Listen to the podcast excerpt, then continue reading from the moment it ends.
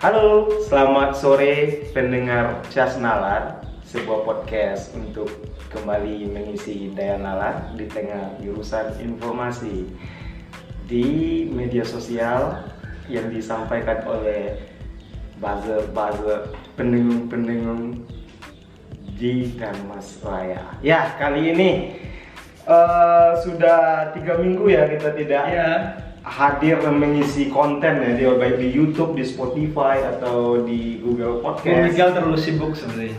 Uh, sama dengan Bung yang mempersiapkan uh, beragam kegiatan. Persiapan pernikahan. Ah, ya oke. Selamat Bung. Iya. ya, selamat saya ucapkan selamat Bung. Kali ini kita sudah berada di penghujung 2021 ya. Iya. Mungkin kalau di tempat tempat-tempat obrolan lain tentu kita akan membicarakan tentang kaleidoskop 2021 atau lini masanya ya, timelinenya ya. Hmm. Kita akan ngobrolin soal politik misalnya dan soal apa lagi ya? budaya Mhm. dan sepak bola di yang terjadi selama di 2021 seberapa hangat obrolan-obrolannya gitu ya kita tidak ada persiapan ya sebelum ini ya karena memang sudah terlalu jauh Iya. jarak dari episode kita yang di Terakhir apa? terakhir episode kita yang jalan-jalan di tengah pandemi Oke. oke oke berhubung sekarang kita lagi hangat-hangatnya sepak bola ya Oh iya, Iya, Indonesia. iya, iya. Kita ngomongin- Indonesia baru saja ya official official lolos final final versus Thailand. Thailand. Thailand. Thailand. Iya iya. Negeri. Gajah Putih. Gajah Putih. Yang selama ini menurut saya ya menjadi momok menakutkan bagi timnas Ah. karena dari edisi final dari tahun 2000, 2002 sampai yang terakhir 2016 kita Kalah harus ya? mengakui ke- keunggulan Thailand Keunggulan Thailand. lewat agregat 2-0 di 2-0. Bangkok waktu itu di Thailand dan meskipun di Jakarta kita sempat unggul 2-1 Iya, waktu itu betul. kan dua leg juga ya Hmm. tapi akhirnya ya tumbang juga Ya. Tapi ada juga momen yang sangat manis tentang dan berhadapan dengan Thailand itu, kapan? Waktu AFF 2010 kalau tidak Oke ya ya ya Yang kemenangan 2-0 atau 1-0 gitu itu BP cetak Oh waktu itu coachnya masih Alfred Riedel ya almarhum ya Iya, almarhum yang dari. Austria ya ya ya saya masih ingat waktu itu di fase grup Iya, di Indonesia sangat superior Hmm. mengalahkan Thailand Malaysia tapi di final akhirnya tumbang lagi oleh negeri jiran Malaysia Malaysia. Waktu itu kita di leg pertama di Kuala Lumpur, Hmm. skornya 3-0 kalau tidak salah. Sapi Sali dan di leg kedua di Jakarta kita hanya mampu membalas 2-1 waktu itu.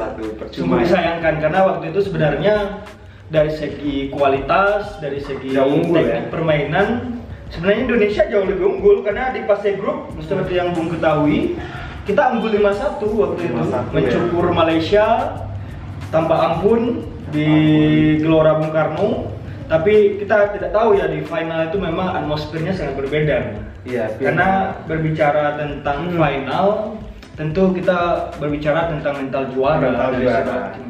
Yang kesal itu waktu Alfred Riedel menyesalkan pemainnya udah seperti seleb waktu itu ya. oh iya Waktu Ivan Bakdim udah Iya, Endo. media kan terlalu ini, terlalu dibesar-besarkan. Mm-mm. Ini salah satu penyakit juga sih menurut saya dan kita harapkan di AFF edisi kali ini tolong Simpel.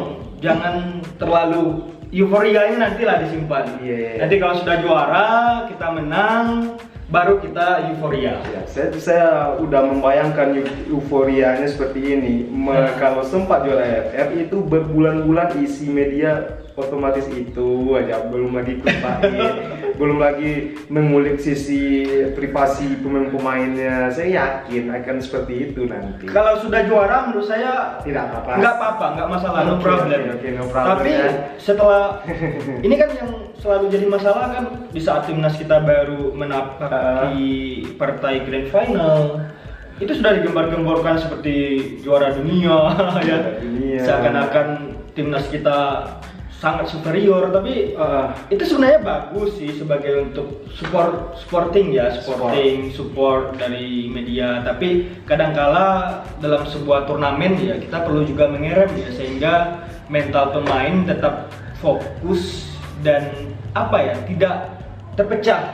Mm-mm, betul. sehingga mentalnya kuat fokusnya bagus sehingga memang target juara itu bisa direngkuh Bisa itu sih menurut saya Ya kalau saya lihat dari permainan Indonesia kalau bermain sama Thailand ya kita harus akui agak ketinggalan sih. dari segi taktik jelas ya dari Eh, kalau segi taktik Sintayong udah baik, tapi Hmm. dari segi fokus, Iya, ketika Eh, pertama selain fokus juga menurut saya teknik sih karena Teknik. contohnya teknik passing passing itu kan salah satu teknik mendasar di sepak bola yang harus dimiliki oleh pemain dan Indonesia kalau dari segi taktik ya termasuk passing itu masih di bawah Thailand lah Iya, iya. tapi poin positifnya saya melihat Sintayong ini pelatih kelas dunia bukan bukan abal-abal ini pelatih ya yang mana aja ditumbang. Iya, dua kosong ya waktu itu di Piala Dunia 2018 ya. Iya 2018. Jadi kita sudah punya pelatih yang menurut saya berkualitas, punya mental juara ya. Mm-mm. Pernah juga eh, membawa klub Korea juara liga domestik, sekaligus pernah membawa Korea junior waktu itu saya lupa usia berapa tapi juara. Juara. Intinya kita- pelatih kita ini pelatih mental juara. Ya, kalau mau ngomong soal passing itu saya lihat Witan itu sangat Oh, iya, iya. keren. Witan seperti ini atau Safi ya gaya-gaya mainnya dia gak egois gitu kan. Iya betul betul. Witan bagus, pemain muda potensial. Dan akan kali ini yang bikin saya apa ya kagum terkesima dengan Sintayong ini bagaimana pelatih ini berani membawa pemain-pemain muda. Kalau istilah media kan dia memotong satu generasi itu. Iya iya iya. Contohnya kan di lini belakang seperti Hansa Muyama, Mm-mm. eh, Zulfiandi di lini tengah, iya. Parkianto itu nggak dipakai lagi. Ya. Praktis Ngomong-ngomong itu saya jadi ingat Peter White ya di Oh ya, waktu mengorbitkan Boas ya. Ya, Iya, waktu, iya. waktu itu aku masih ingat waktu aku pulang ngaji kelas 5 SD Iya, kalau iya, iya, salah. betul betul. Eh, pulang ngaji itu lihat, wih kok kencang banget ada Boas, ada Boas, ya. si Ilham Jaya Kesuma, ada siapa lagi waktu itu? Ya, Kalau seniornya strikernya Kurniawan. Kur- Kurniawan itu memang dia potong itu BP dia potong. Hmm, betul, betul. Terus siapa lagi ya? Eli Ebo, Eli Ebo diambil masih masih kan? masih menjadi pilar utama waktu itu. Ada Ortisan Salosa di back. Iya, betul. itu itu yang pertama kali Tapi- nonton tapi bola yang- itu namanya Piala Tiger. Tiger masih Tiger 2004 masih Tiger. 2004 Tiger. Karena waktu itu masih sponsornya Bir bir Thailand. Thailand. Singapura apa Thailand? Singapura. Thailand, ya. Ya antara dua negara itu kalau tidak salah. Tapi yang pasti ya Peter White tidak seradikal Sintayong menurut saya karena Hmm. waktu Peter White itu belum masih diisi mayoritas pemain senior masih ada Ali Aiboy, Boy. Ilham termasuk senior waktu itu Kurniawan Hmm. di lini belakang ada Karis Yulianto ada siapa itu nama Jack Comboy tapi kalau dari Sintayong ini ya kita lihat dari segi kiper saja dulu ya dari penjaga gawang Hmm. itu rata-rata muda bung Nadeo itu baru usia 24 tahun 24 tahun. di, di lini belakang ada siapa? Farudin yang senior satu. Farudin. Tapi kan yang mengelilingi Farudin ini anak-anak muda semua nih. Berarti rata-rata skuadnya emang di atas di bawah 25 ya. Di bawah 25 kalau tidak salah rata-rata usia rata-rata usianya 23, koma sekian. Apa 22, koma sekian? berarti regenerasi yang bagus. Bagus karena menurut saya keberanian yang patut diapresiasi karena menurut saya Sintayong ini boleh dikatakan berjudi, Bung. Setelah mengubah dengan pemain muda, ada yang diubah lagi sama Sintayong. Bung. Apa itu? kultur olahraga, makanan, Hmm, sport science. sport science. Itu. Terus yang mak yang dari makan gorengan ke makan yang bergizi, kita kan tahu deh dompet eh, pemain kita ini ya dompet beli gorengan. Iya iya iya. Dan menurut saya itu bagus juga disiplin, ya Disiplin. karena pernah ya di suatu camp training waktu itu eh, Sintayong ini menegur Osvaldo Hai. Osvaldo entah siapa waktu itu yang intinya kedapatan makan makan yang tidak baik lah untuk oh, seorang atlet atau olahragawan. Memang tegas ya. tegas dan itu bagus bung Iya iya. tegas tapi dia juga punya sisi humanis. Kadangkala kita lihat bagaimana kedekatannya dengan Asnawi Mangku Alam bagaimana uh, Sintayong ini membangun harmoni dengan pemain-pemain lain sehingga chemistry itu dapat. Jadi yang paling menarik lagi satu Bung, menurut saya Sintayong ini. Selain punya sisi humanis yang bagus saya nggak pernah nih lihat Sintayong ini selama Indonesia itu anak-anak asuhnya bertarung di lapangan dia nggak pernah duduk di bench loh dia selalu berdiri di pinggir lapangan Iya iya. kalau kita lihat pelatih-pelatih sebelumnya seperti Simon McManamy, Iya, iya, Alfred iya. Idel itu kan sering duduk kan ya bench. It- itu kecenderungan bagus juga aku lihat di AFF kali ini Bung di mana aku lihat ah, ada pelatih Singapura juga berdiri Iya, iya. sampai emosi-emosian loh Iya, memang gitu ya Hmm. Pelatihnya sekarang ya hampir di semua pelatih seperti itu Hampir. Tapi Sintayong punya alasan pada saat dengar di salah satu media, Ah. baginya ketika dia berdiri di lapangan mendampingi anak asuhnya tidak duduk di bench, itu menunjukkan bahwa dia juga sedang bertarung menemani anak asuhnya. seperti Bung waktu mewakili apa mendampingi undangan Iya, betul. videonya ada saya rekam. iya, siap. Oke oke oke. Selanjutnya kita ngomongin apa nih? Kita Ah. ngomongin apa lah ya?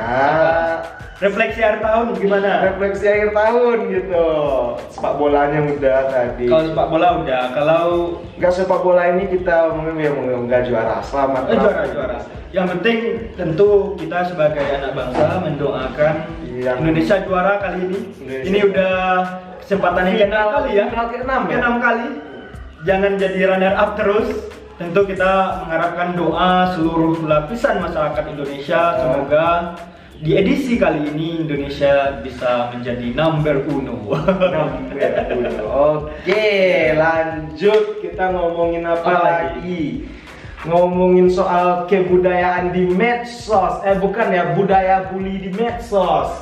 Gitu, ini yang paling apa ya? Saya apa ya kalau di Damas Raya ya Iya, khususnya- kita posisinya di, tetap di kita ngobrol di nama saya emang channel ini fokusnya kan Hmm. awalnya di Kabupaten Feodal titik 40 4 titik 0 ini kan sebenarnya. Iya, gaya, gaya buzzer itu seperti Hmm. gaya uh, abdi dalam di Hmm. dalam zaman-zaman feodal Jawa iya, betul. Bagaimana melindungi bagi tuannya rajanya itu dengan sepenuh hati gitu. Tapi abdi dalamnya dengan alat peralatan Yang lebih canggih, yang kekinian, kekinian, kekinian.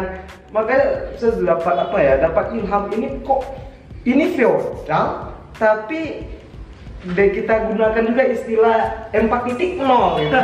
Jadi gue feodal 4.0 bagaimana kamu hidup di zaman yang sangat maju Mhm. tapi pola yang kamu gunakan itu pola-pola feodal eh, raja-raja kuno gitu. Itu Bung yang aku tangkap selama 2021.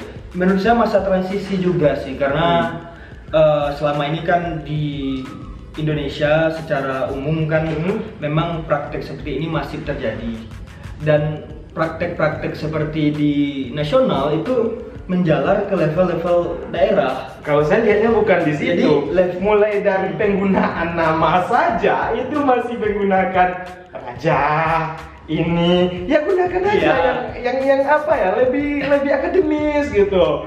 Kok masih gunakan eh, seperti itu?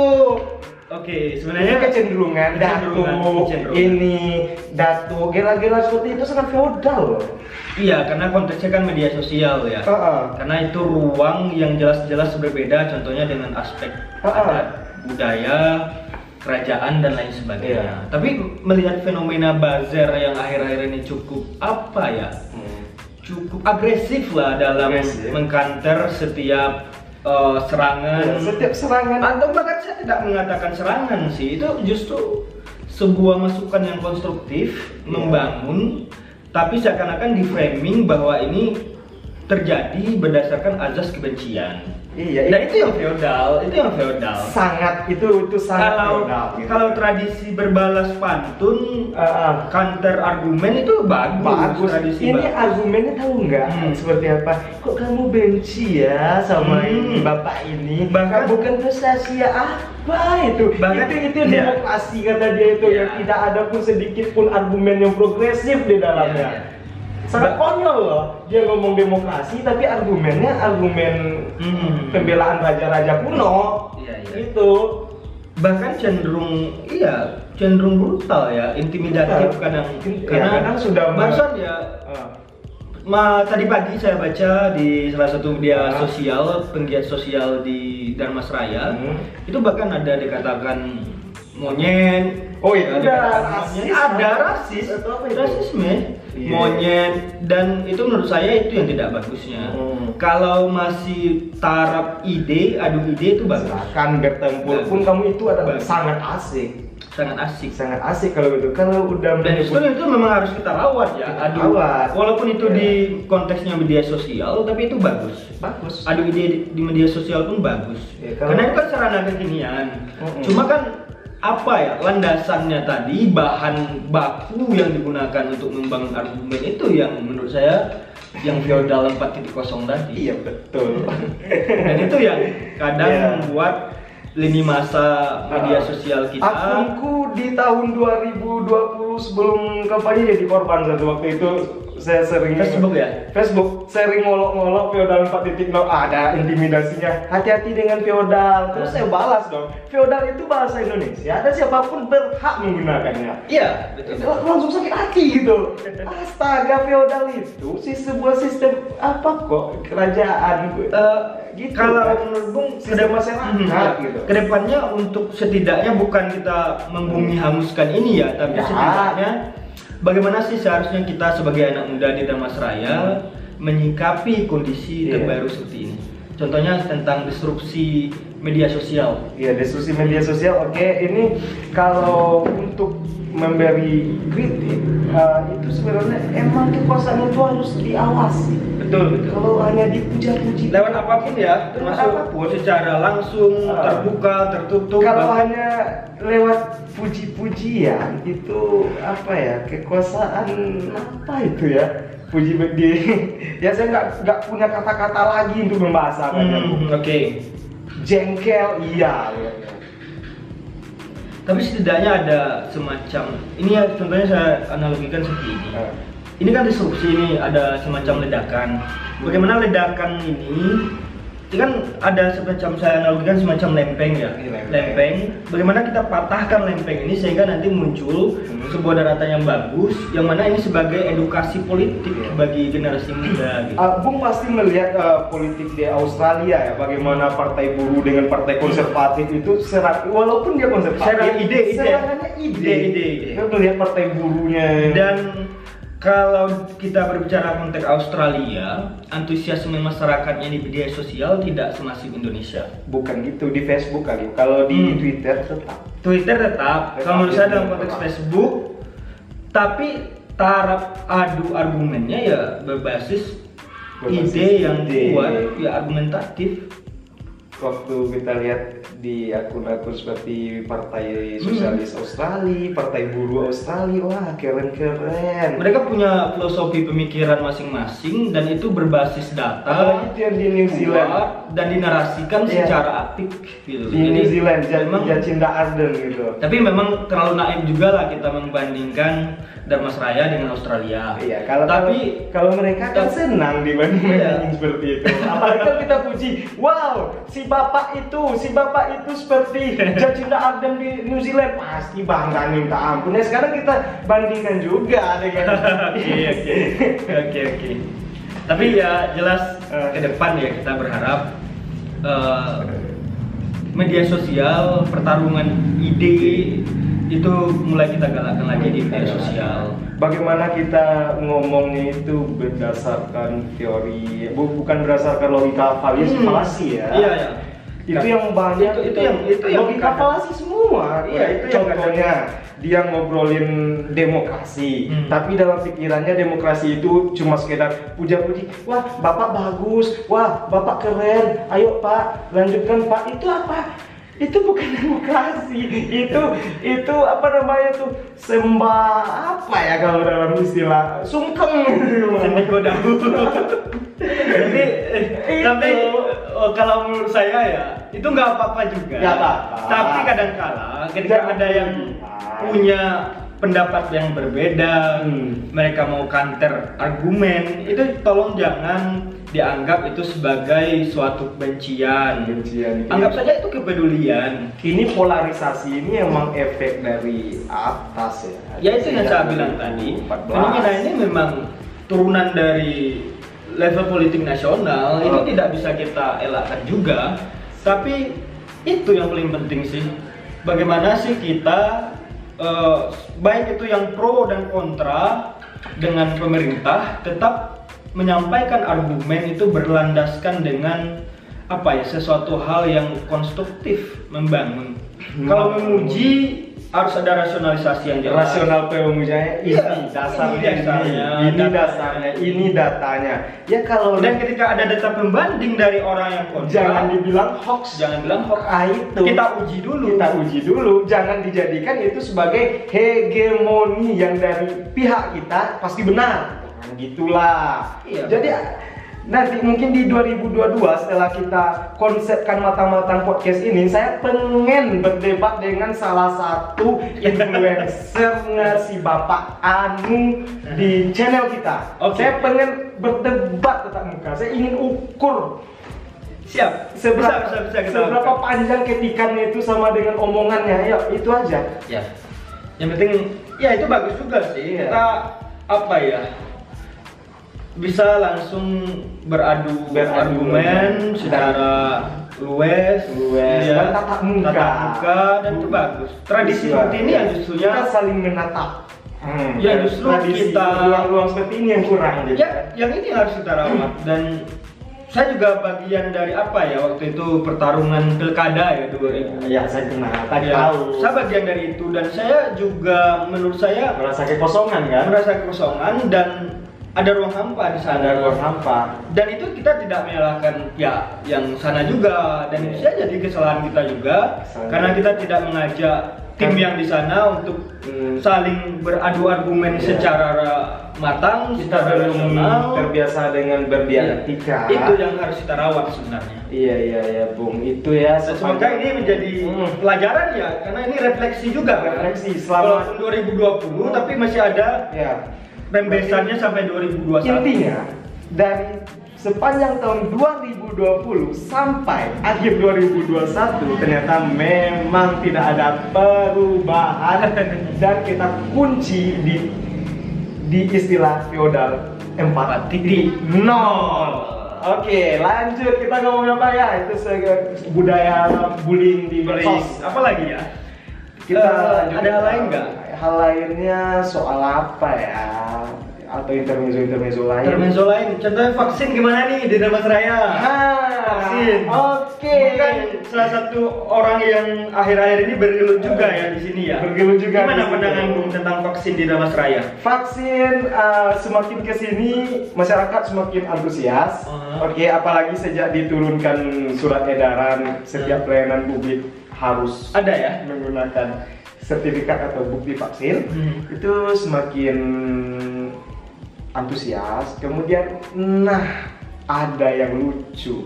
Tadi kan beberapa hari ini sampai menjelang tanggal Hmm. 30 besok aku kan duduk di stand vaksin besok kan Ya, di pendaftaran. ya, Oke. Yang paling lucu, ini agak aneh. Setiap ini entah, surat edaran, entah instruksi, setiap THL ataupun PNS wajib membawa lima orang ke tempat vaksin Oke. untuk mencapai kuota standarnya 80%. 80% sekarang Damas Raya berapa sih? Sekarang aku lihat sekitar 75 Oke, itu efektif nggak? Eh, THL, PNS eh, diwajibkan membawa Hmm. orang untuk vaksin itu efektif nggak? Nah, realitanya yang terjadi begini. gimana gimana? THL itu tidak mencari orang, dia mengambil data ke itu Oke, calo on the spot. ke Starbucks ini nggak perlu disensor, ini memang kebijakan calo on the spot itu ya. Ya, ke kebijakan yang membuat mental-mental eh, THLSN ini agak culas jadinya. Oke. Dia diinstruksikan bawa orang lima dan yang dia lakukan pergi ke stand vaksin, cari orang, kamu jadi apa aku ya? Jadi untuk daftar aja. Lucu dan beberapa kali dari pagi HP ku kalau tidak di, Hmm. dihidupkan mode pesawat itu ada-ada aja nomor yang masuk bang saya ini dari ini teman abang dapat nomor abang dari sini tolong eh, lima nama untuk kirim ke saya bang saya minta lah bang karena hari Jumat perlu di So, oke kabar jadi- kabarnya seperti ini juga Ah. ini ini kita harus cari juga verifikasi juga kebenaran ya Hmm. punishment dari tidak Oh, ada punishment ya? ini ya ini harus digaris, digaris bawahi verifikasinya harus kita cari juga Hmm. ini ini saya garis bawahi ya verifikasi dicari juga Perlu kita double check nanti. double check nanti. Eh, yang beredar sasus desas-desus yang beredar Mhm. kalau tidak dapat mungkin itu bagi THL akan di Pecat. kick Berhentikan. pengurangan Oke. caranya cukup Kalau. PNS gimana tuh? kalau PNS saya tidak tahu juga tapi ini saya Pasti ada punishment ya. Ada, soalnya PNS banyak juga yang datang tadi kan. Jadi Ah, targetnya berapa target juga? Ada yang targetnya lansia, ada, ada vaksin untuk lansia, Hmm. Kemudian yang targetnya 5 yang standar Mhm. itu. Terus kalau untuk PNS saya tidak tahu karena yang ngomong seperti itu beberapa THL, beberapa Hmm. THL bukan satu orang. berarti ini sudah semacam pressure yang lumayan ini juga ya untuk ya. Iya. Kalau untuk nagari ini isu juga ya. Hmm. Bisa jadi dana kalau tidak tercapai data ini, dana desanya mungkin dikurangi atau tidak diturunkan. Oh ada juga ya Iya. desa-desa seperti itu ya. Desa-desa seperti itu. Ini mohon Oke. di double check ya karena posisi saya ada di situ juga. Tapi saya Enggak. saya buka ini karena kita di transparansi kita kan. Iya, iya. Oke. Bagian dari edukasi. edukasi. Jadi menurut saya Pak Bupati yang terhormat, kebijakan Anda itu telah merenggangkan mentalitas THL THL Anda sebenarnya. Saya jujur loh. THL Anda yang Anda harapkan bawa orang lima ke tempat vaksin yang terjadi di lapangan, THL Anda itu mencari data di situ. Apa salahnya? Bapak yang terhormat sosialisasikan lagi manfaat vaksin ini dengan dengan landasan medis begitu bukan malah pressure THL atau PNS begitu loh Bapak yang terhormat salam untuk eh, Salam damai. salam damai untuk apa juga untuk Eh, ini perbaikan ke depannya. perbaikan ke depannya Perbaiki. Untuk tim cyber saya sa- salut dengan kalian oke sip Sip. Oke, Udah ya? itu terima Udah kasih ya? tadi. Oke, lanjut. Kita Apa ngomong lagi ya? Kita ngomong. Atau udah berapa menit nih? Udah sepak bola udah. Ya. Eh, budaya bu- Hmm. bu- bully Bali Iya. di sosmed udah. Vaksin udah. Apa lagi? Bumi datar atau apa? Anti vaksin. Terserah. Atau udah ya, udah ya. Kalau menurut saya sih ini oh sebentar ada yang Apa itu? lupa. Apa Ini itu? terlalu mungkin udah setengah jam lah. Hmm. yang luput dari kita kenapa? Kita sekarang berada di Oh, studio iya. Agim di Eka Jaya Eka Tim. Jaya Tim di Blok B. Blok B ya. BKR. BKR berapa ini? BKR 1. BKR BKR 1. Ya, BKR 1. BKR 2 BKR 2. Ya. Kami ucapkan eh, terima, Terima kasih kasih, ya. kepada Abdullah Gimnastiar, Agim dan Herianto Silalahi dan Herianto Opung. Opung. Kemudian juga dengan Bung Age, Iya. semoga ke depannya rumah baca peduli bangsanya sukses dengan ekonomi mandiri mereka. Iya. Salut untuk rumah baca peduli bangsa. Hmm. Dan mungkin ini episode terakhir kami di 2021. Nah, Jadi setelah ditotalkan selama musim pertama 2021 kita Casnalar memiliki tiga episode dan satu advertising Iya, tutorial. tutorial di yang tiga itu yang paling kami hadir waktu bulan November ya. November kita hadir dengan apa saatnya kita hadir Iya. gitu. Yang kedua soal yang kita bicarakan soal apa ya Oh iya, kita baru dua episode, dua episode. Yang kedua itu soal jalan-jalan Pak Wali dan Pak Jorong di tengah pandemi yang sempat juga bikin geger kemarin kan. Terus yang ketiga ya ini episode episode kami. Silakan di Ini refleksi ya. refleksi, Refleksi 2000 akhir tahun. akhir tahun dan kepada saudara yang saudara-saudaraku yang merayakan Natal, selamat Natal. Merry very Merry Christmas and Happy New Year. Oke, dan Semoga semakin berbahagia, Berbahagia, damai. orang-orang terdekat Iya, ya, oke. di Natal dan tahun baru kali ini. Udah ya, udah mungkin sekian 29.53 detik lumayan lah. lumayan lama Ini kan? tanpa persiapan. Tanpa persiapan asal